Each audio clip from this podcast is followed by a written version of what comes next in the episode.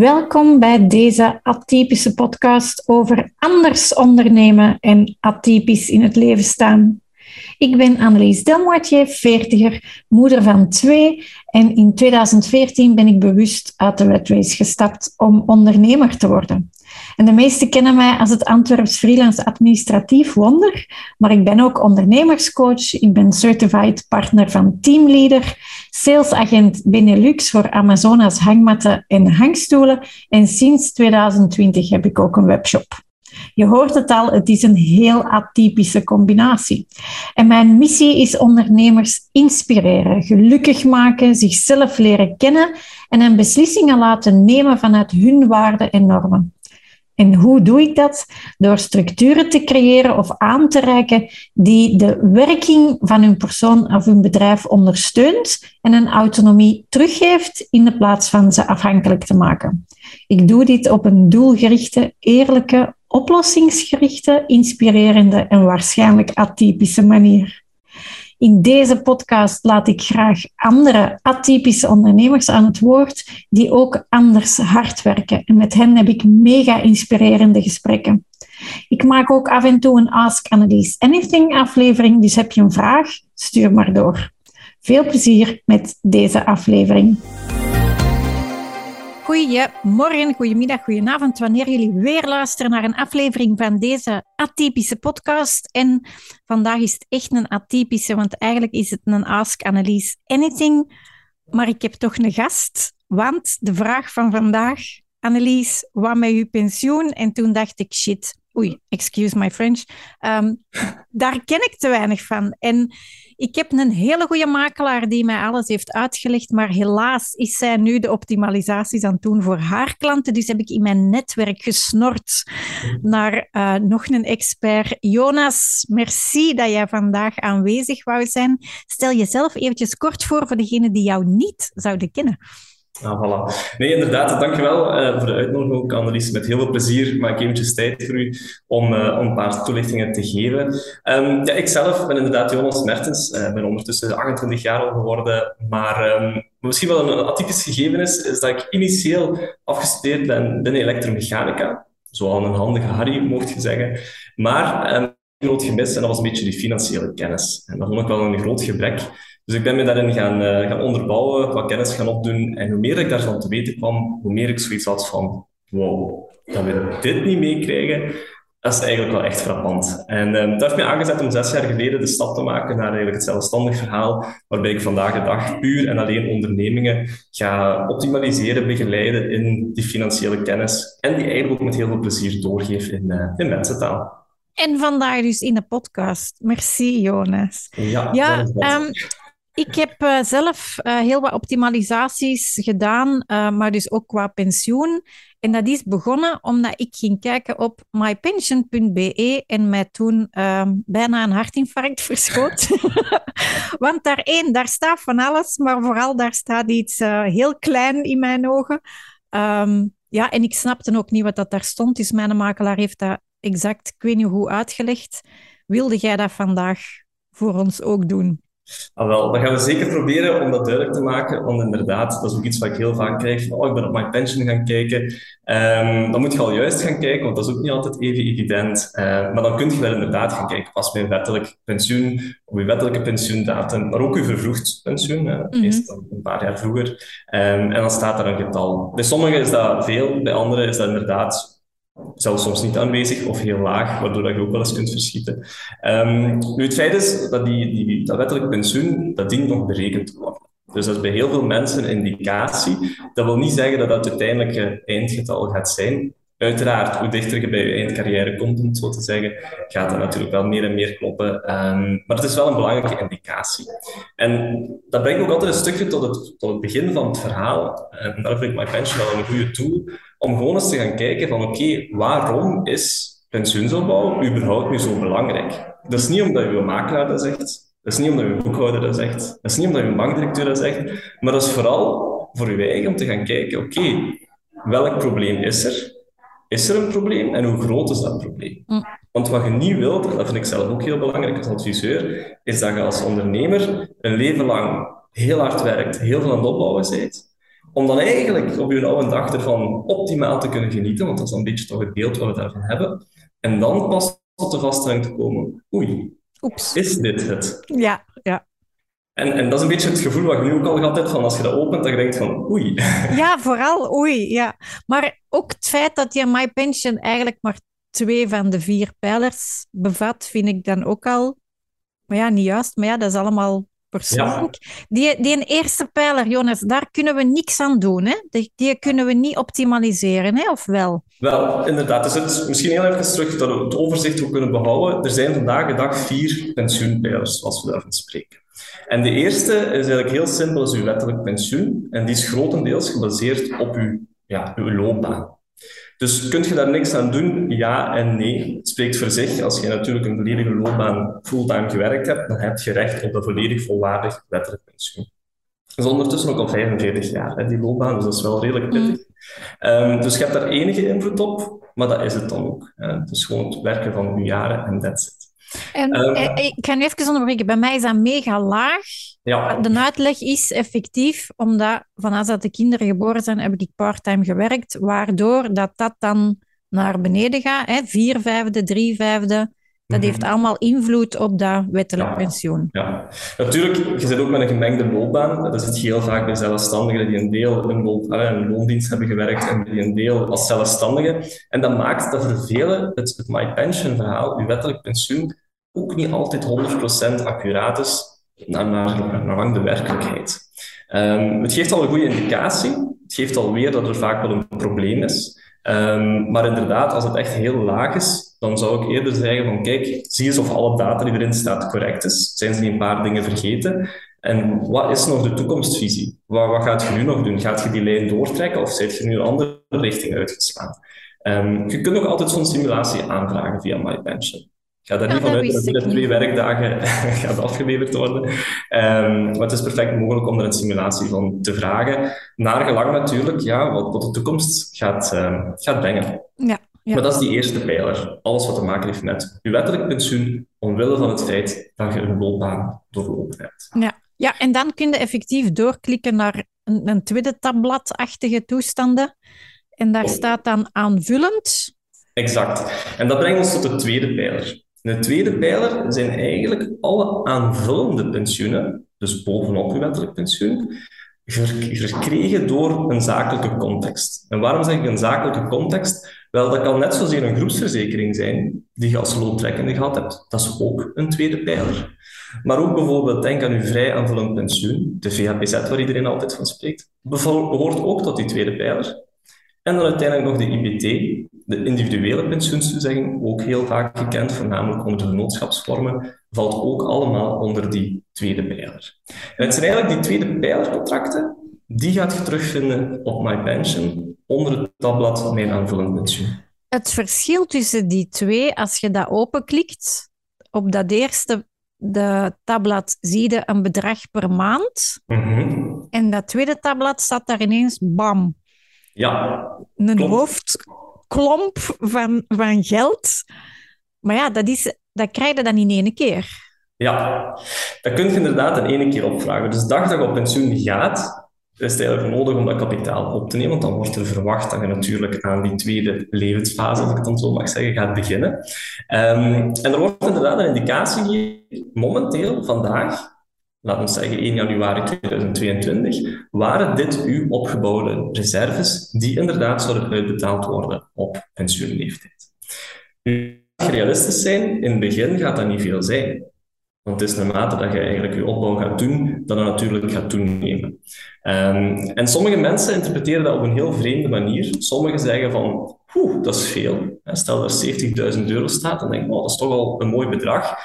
En dat klopt.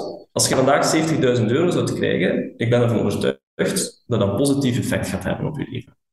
Alleen moet je de vraag stellen, wanneer je die 70.000 euro moet gebruiken van je 65 tot, laten we zeggen, 67 jaar, afhankelijk van wanneer je op pensioen moogt, tot, pak nu toch gemiddeld 80 jaar, dat is 13 jaar, bij wijze van spreken, dat je moeten overbruggen. Ik wou zeggen 90. Ja, dat gaat ook, dat gaat ook zeker en vast. Hè. Maar dan het mensen, maar zo oud word ik niet, dus dan moet ieder voor zich een beetje uitmaken.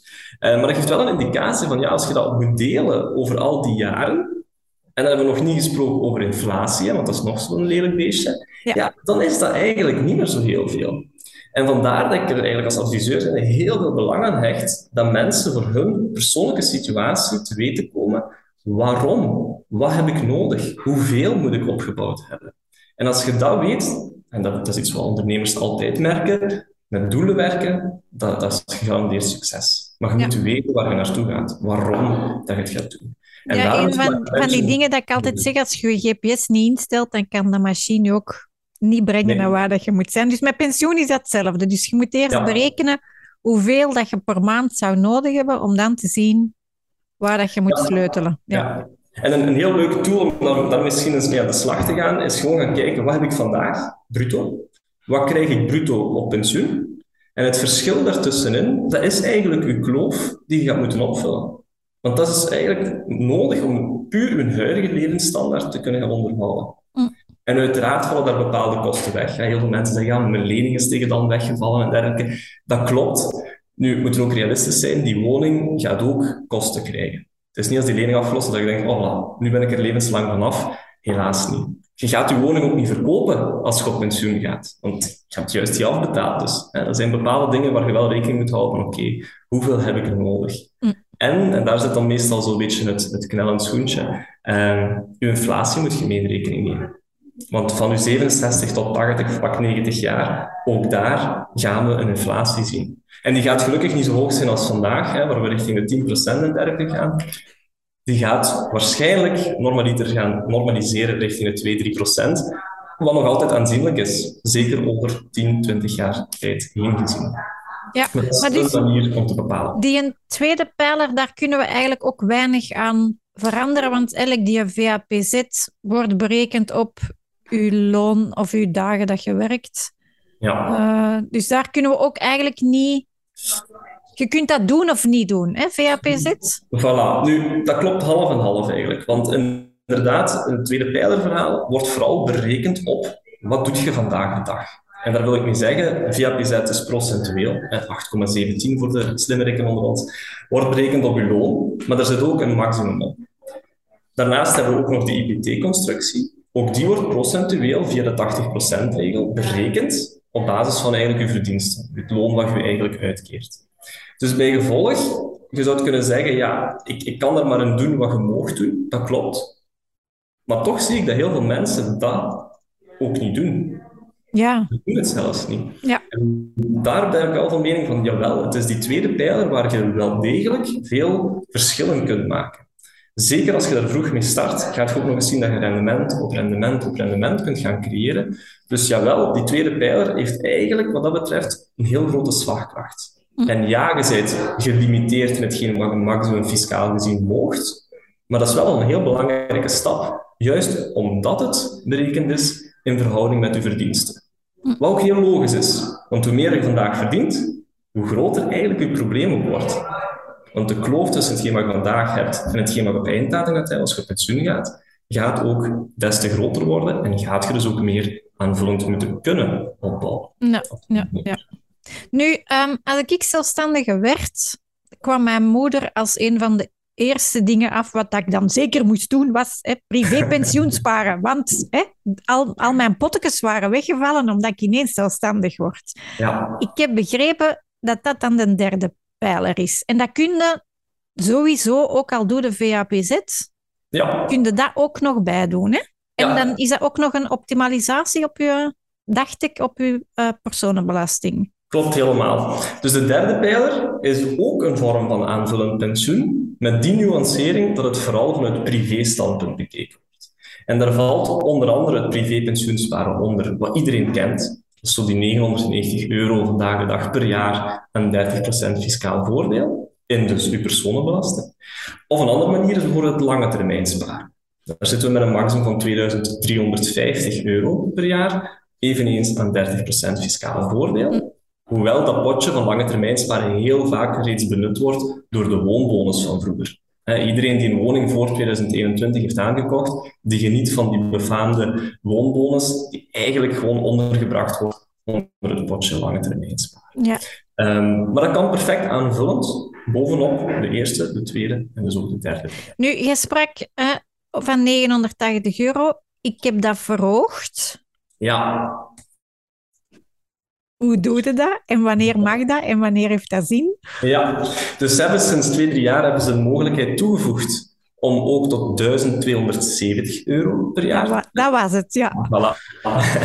en dan heb je eigenlijk een, een verhoogd kapitaal wat je gaat aan doen opbouwen, maar je gaat procentueel minder belastingsvoordelen, namelijk 25 procent.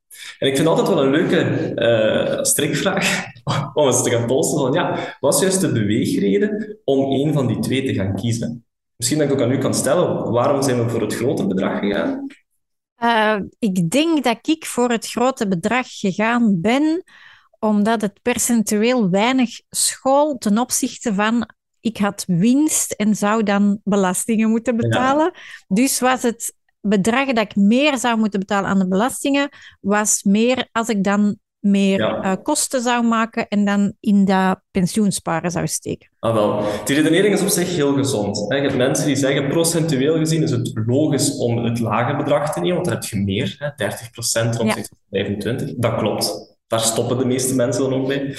Het tweede om te kijken is wat jij gedaan hebt. Namelijk, je geeft eigenlijk een 300 euro netto meer aan pensioensopbouw, maar je gaat daardoor wel nog extra 20% belastingsvoordeel creëren ten opzichte van de formule van 30%. Dus in absolute cijfers zou je kunnen zeggen, oké, die van 1270 per jaar aan 25% gaat ook daadwerkelijk het grootste belastingsvoordeel creëren. En dat is ook exact de beweegreden geweest waarom dat je die keuze gemaakt hebt. Mm.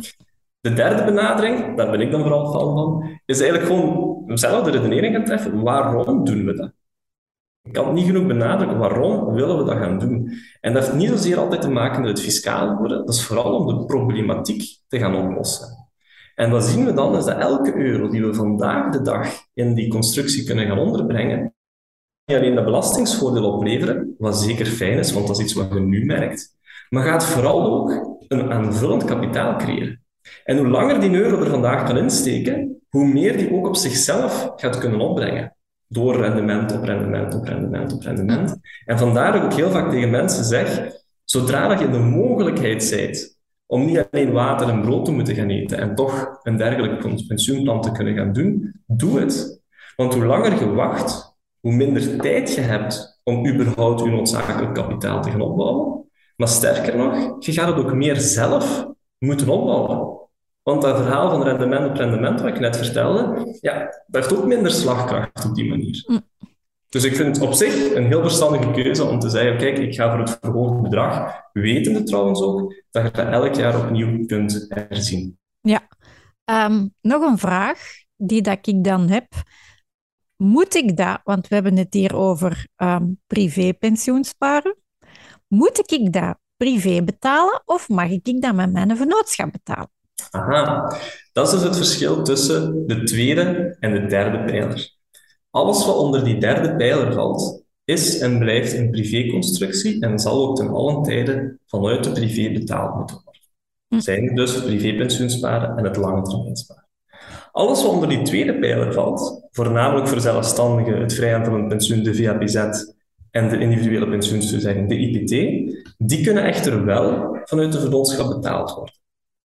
En daar zien we heel vaak zo'n twijfelgevallen, de VAPZ. Sommigen betalen die vanuit de vennootschap, anderen betalen die vanuit de privé. Dat is altijd zo'n beetje van, ja, hoe doet jij het, hoe doet die het? Um, in feite kan die perfect betaald worden door de vennootschap, want het valt onder een tweede pijler. Maar het heeft wel betrekking tot het belastingsvoordeel in de personenbelasting. Ja. Dat is eigenlijk hoe we die twee uiteen moeten houden. Ja. Maar het vertrekt van het bruto kapitaal in de vennootschap. Ja. Nu... Um...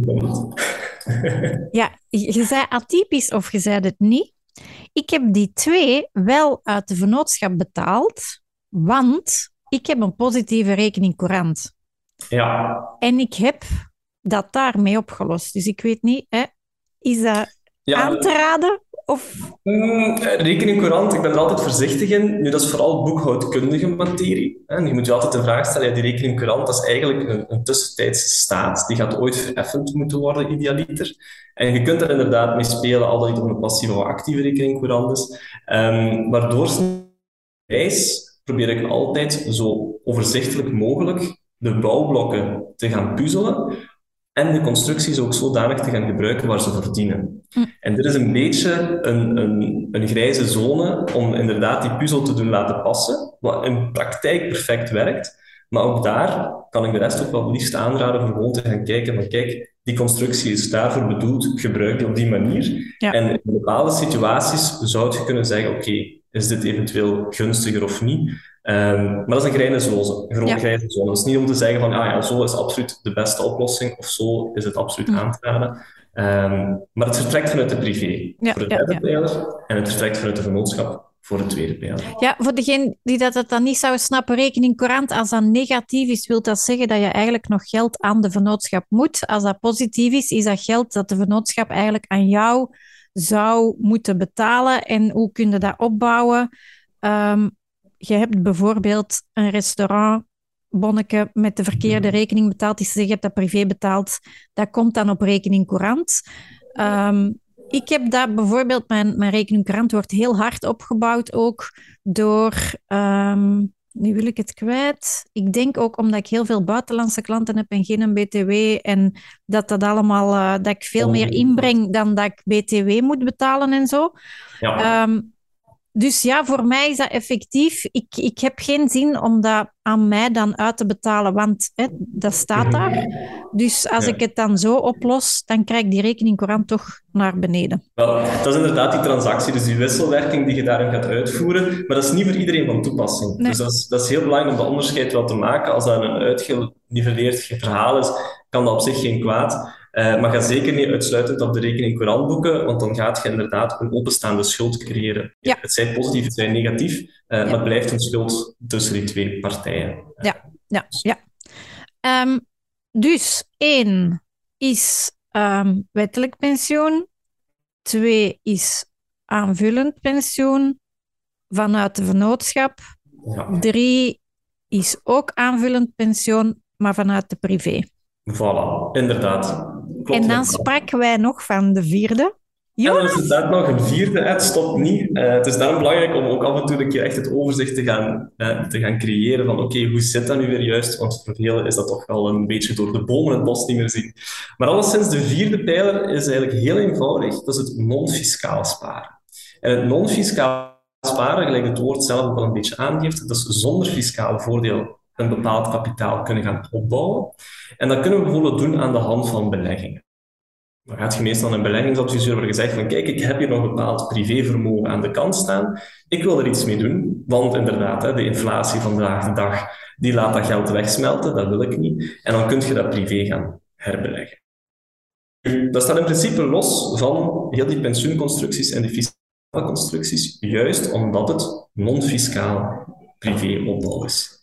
Om het zo te zeggen. Maar het behoort wel tot de vierde pijler en het kan dus ook gebruikt worden om een aanvullend pensioen te gaan creëren, om uw problematiek op einddatum te gaan oplossen.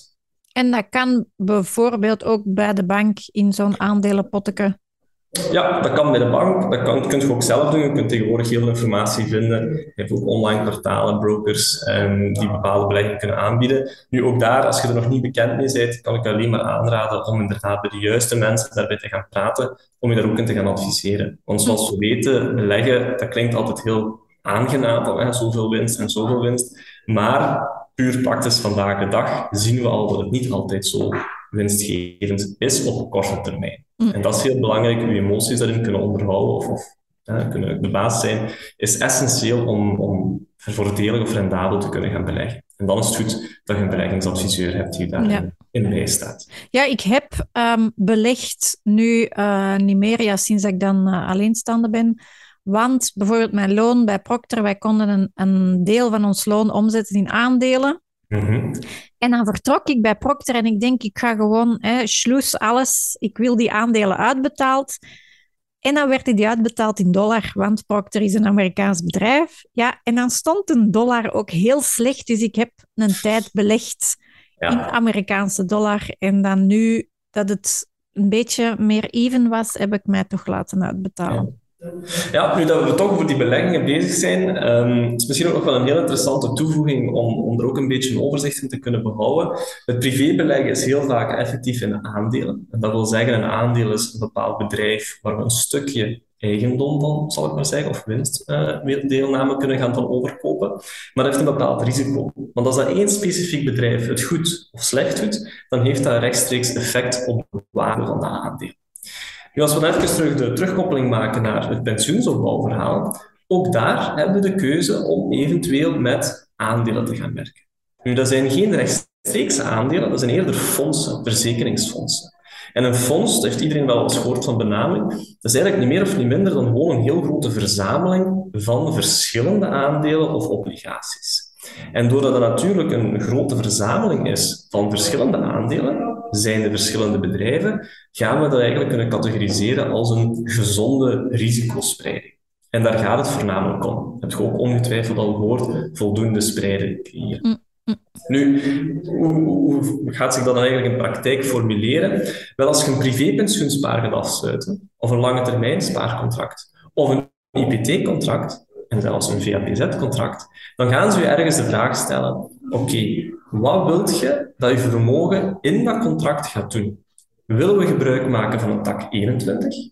Willen we gebruik maken van een tak 23? Of zeg je van nee, ik wil liever bij de bank aansluiten en een bankfonds. Ik weet niet of je um, Jonas, nu was het even aan donderen in Keulen. Ja. Tak 21, tak 3, help! Exact. Maar ik vind het heel belangrijk om dat aan te halen, want inderdaad, die termen, hoe ze aan die benamingen gekomen zijn, Joost mag het weten, uh, ik vind ze ook alles behalve logisch, um, maar ze worden wel heel vaak gebruikt. En vandaar ook het belang om te begrijpen, wat houdt het juist in? Want ieder van ons, iedere zelfstandige, heeft daarin, willen of niet, een keuze gemaakt of gaat een keuze erin moeten maken. Dus het feit dat het wordt donderen in Keulen, dat is een heel belangrijk aandachtspunt. maar we gaan, het, we gaan het eenvoudig aanpakken. Een tak 21, heb je er al ooit van gehoord? Ja. Enig idee wat het juist zo inhoudt? Nee. Heel simpel. Elke euro die je in een tak 21 onderbrengt, is en blijft van u. Met andere woorden, we spreken daar van kapitaalsgarantie. En dat klinkt op zich heel goed, want dat wil zeggen dat je getal wat je erin steekt hetzelfde blijft, of toch op zijn minst behouden blijft. Je hebt er ook een gegarandeerd rendement op. Hè? Dat klinkt ook altijd heel goed, zekerheid. Alleen als we vandaag gaan kijken, hoeveel is nu dat gegarandeerd rendement? Ja, dan zien we dat bij de beste op de markt, en dan spreken we over de beste, 0,5% gegarandeerd rendement is. Maar er zijn er dus heel veel die nul hebben. En dan wordt er wel eens gezegd, ja, maar er is ook nog een winstdeelname. Hè. Elk jaar wordt er gekeken hoeveel het heeft opgebracht, dan komt er een winstdeelname. Lang verhaal kort, het beste rendement vandaag voor een tak 21 is nog altijd slechts 1,6% En als we dat dan gaan vergelijken met de inflatie, dan is die kapitaalsgarantie precies toch niet zo kapitaalsgarantie als dat we misschien initieel zouden gedacht hebben. Met andere ik heb zo het, het gevoel nu... Moeip, moeip, moeip. Ja, een beetje. Nu, het is niet helemaal verloren, want je hebt je fiscaal voordeel nog, hè, dus dat, dat gaat altijd wel compenseren. Maar toch, inderdaad, die kapitaalsgarantie, ik zeg altijd, je getal is gewaarborgd, maar die waarde achterliggend, ja, dat is vandaag de dag bijna met zekerheid verlieslatend. Mm En dat is een heel belangrijk gegeven, want heel veel mensen die zitten wel degelijk in een tak 21 omwille van die kapitaalsgarantie. Dat klinkt goed, dat voelt goed. Maar in werkelijkheid vandaag iets moeilijker. En wat is dan die 23? Aha, een tak 23 is eigenlijk het heel tegenovergestelde. Met andere woorden, daar hebben we geen kapitaalsgarantie. En dat is ook meteen wat mensen afschrikt. Want ja, geen kapitaalsgarantie, oei, oei, oei. En dat is ergens ook zo, want ze gaan daar gebruik maken van fondsen. Wat ik daarnet aanhaalde, een verzameling van aandelen of obligaties. Nu, die fondsen, ja, dat is eigenlijk iets heel mooi om te zien. Waarom? Die volgen een stukje de markt.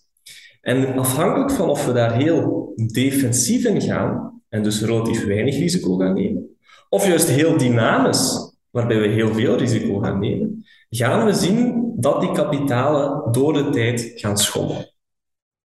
Want ja, de markt schommelt ook. We zien dat vandaag heel sterk. We hebben eerst corona gehad, we hebben nu dan weer heel het financieel verhaal. Ja, dat geeft schommelingen op die markt. Wat gaan we dus ook zien? Dat als je een vullend pensioen in een tak 23 zou gaan onderbrengen, dan gaan er momenten zijn dat je denkt, oh jee, wat hebben we hier gedaan? Zeker wanneer die naar beneden gaan. Ik kom nu ineens met een vraag dat uh, in, mijn, uh, in mijn atypische koppen opkomt.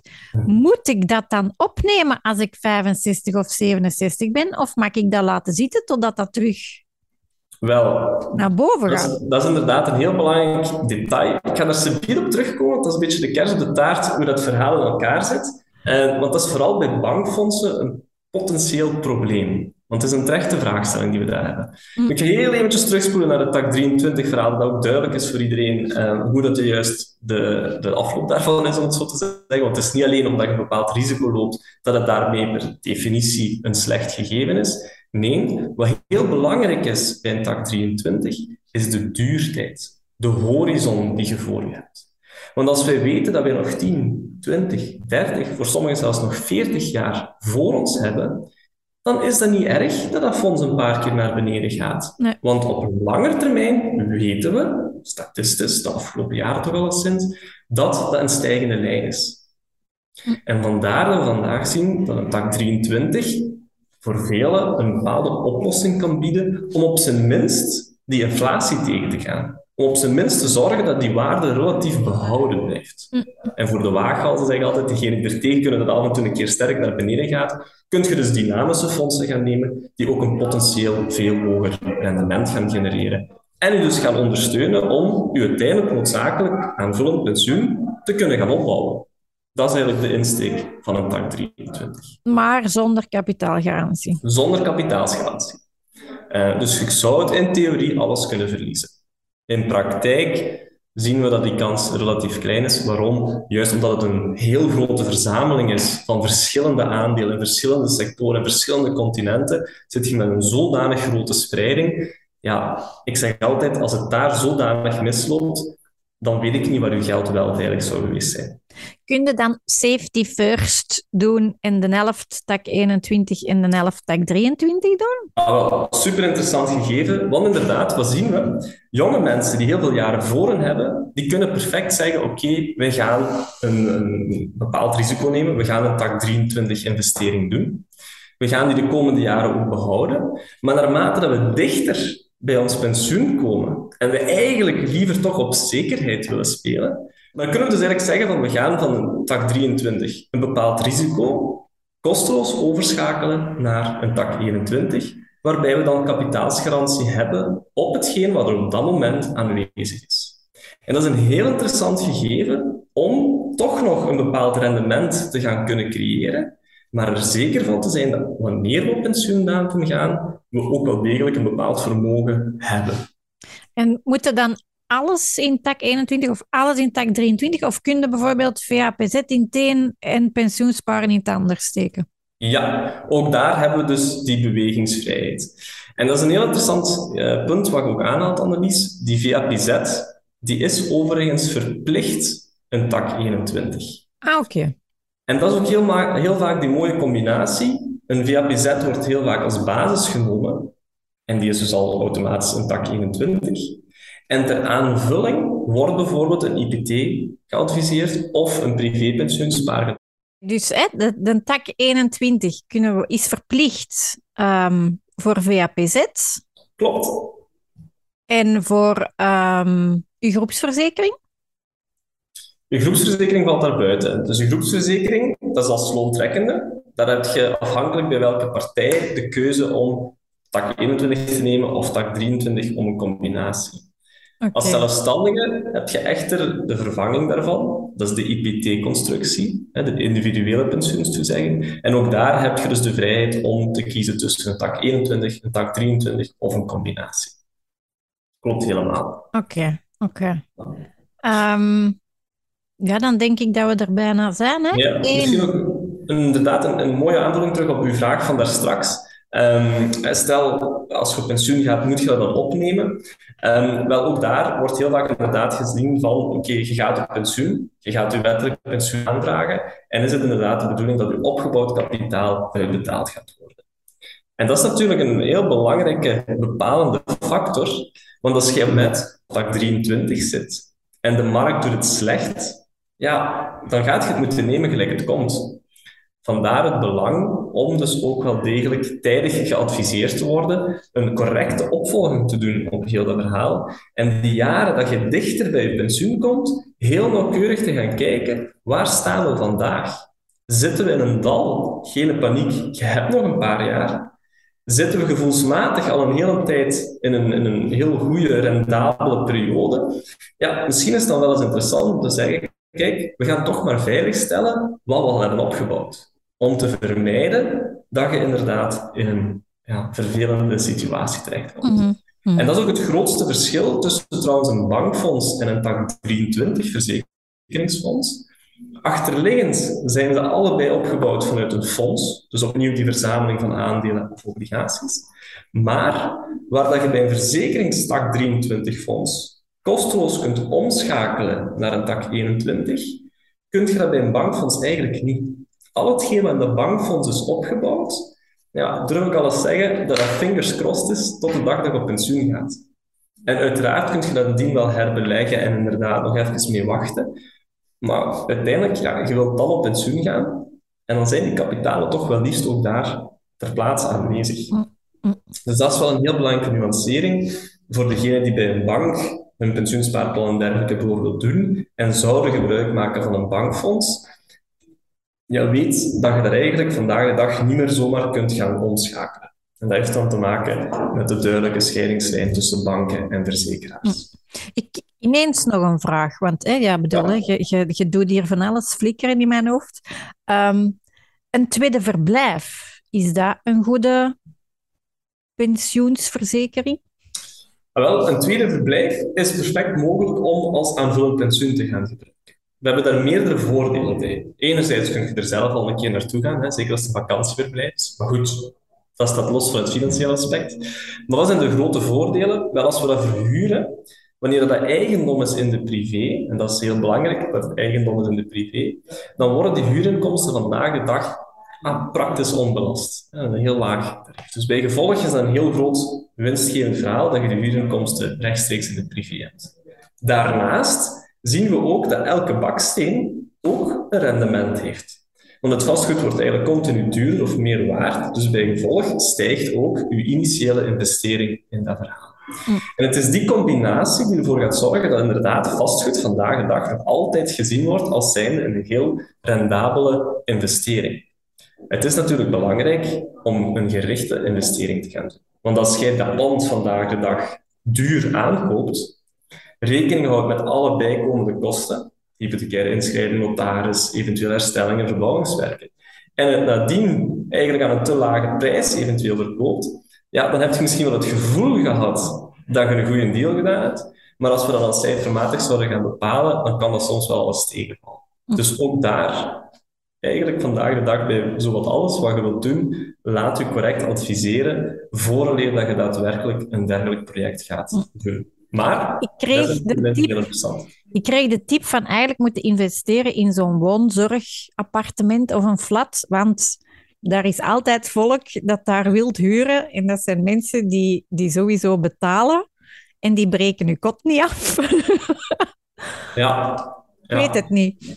Ja, ook daar, dat is dan meer vastgoed gerelateerd. Daar zou ik me niet 100% over uitspreken of dat nu per se goed of slecht is. Um, ik denk dat ook voor iedereen een stukje individueel te bekijken valt van oké, wat, wat, laat het financieel toe? Hè? Uh, want je moet het ook natuurlijk kunnen financieren. En anderzijds was je verwachtingspatroon. Uh, want meestal, dat gaat altijd wel lineair, high risk, high reward.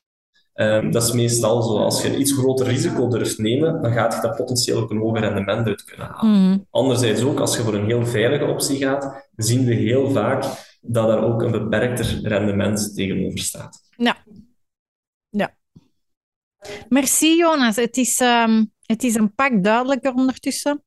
Uh, ik heb zelfs mijn extra vragen kunnen stellen. Dus ik ga even proberen te samenvatten. Um, vul mij aan. We hebben vier pijlers in België. Klopt. Het is belangrijk dat we daar eigenlijk nu al naar kijken om te zien wat dat we gaan overhouden als we 67 zijn. Dat is bij mij binnen 20 jaar. Um, voor, voor de luister sommige luisteraars is het minder ver, voor sommigen nog veel verder. Um, de eerste pijler is wettelijk pensioen. En de eerste pijler is wettelijk pensioen. En daar kunnen we niks aan veranderen. De overheid bepaalt dat op basis van uw loopbaan, al dan niet in loondienst of als zelfstandige, uw loonbrief eigenlijk. Mhm. De tweede pijler is aanvullend pensioen. Dat is één grote pot, of één groot bedrag dat daar staat, terwijl wettelijk pensioen staat een bedragje per maand vermeld. Ja, en dat aanvullend is vanuit VAPZ of IPT of in loondienst was dat ons groepsverzekering. Samenvatting van een derde pijler was dat we het aanvullen vanuit onze privé, want het, al het vorige komt uit ons werk of de vennootschap of in loondienst of als zelfstandige. Vanuit de privé kunnen we aanvullen privépensioen sparen. Dat is de befaamde 980 of 1270 of lange termijn sparen. Ik weet niet of dat, ja, dat er... Okay. die ook nog in de derde pijler, inderdaad. Oké, en dan het allerlaatste, de vierde, is gewoon non-fiscaal sparen, beleggen, maar daar is niks wettelijk te optimaliseren. Nee, dus dat is eigenlijk volledig vrij te kiezen. Dat kun je doen aan de hand van beleggingen, maar dat kan bijvoorbeeld dus ook die opbrengst eigendom zijn uh, die we daar, uh, daarnet besproken hadden. Ja. Oké, okay, we zijn blond, maar we snappen het. Ja, dat is belangrijk. Overzicht, dat brengt altijd duidelijkheid in dat verhaal. Dus dat is, uh, dat is mooi om te zien. Merci Jonas dat jij vandaag mijn gast wou zijn in de eerste AAA met een gast, Ask Annelies Anything. Um, ik ga al jouw linkjes ook in de show notes zetten, dat als de mensen nog vragen zouden hebben, ja. dat ze jou uh, kunnen contacteren. En uh, merci, merci, merci. Wel, met alle plezier, heel graag gedaan. En uh, ja, inderdaad, als er vragen zijn, dan uh, maak ik er graag werk van. Want nogmaals, correct geïnformeerd zijn, dat begint erbij. Okido, ciao. Alright, bye bye.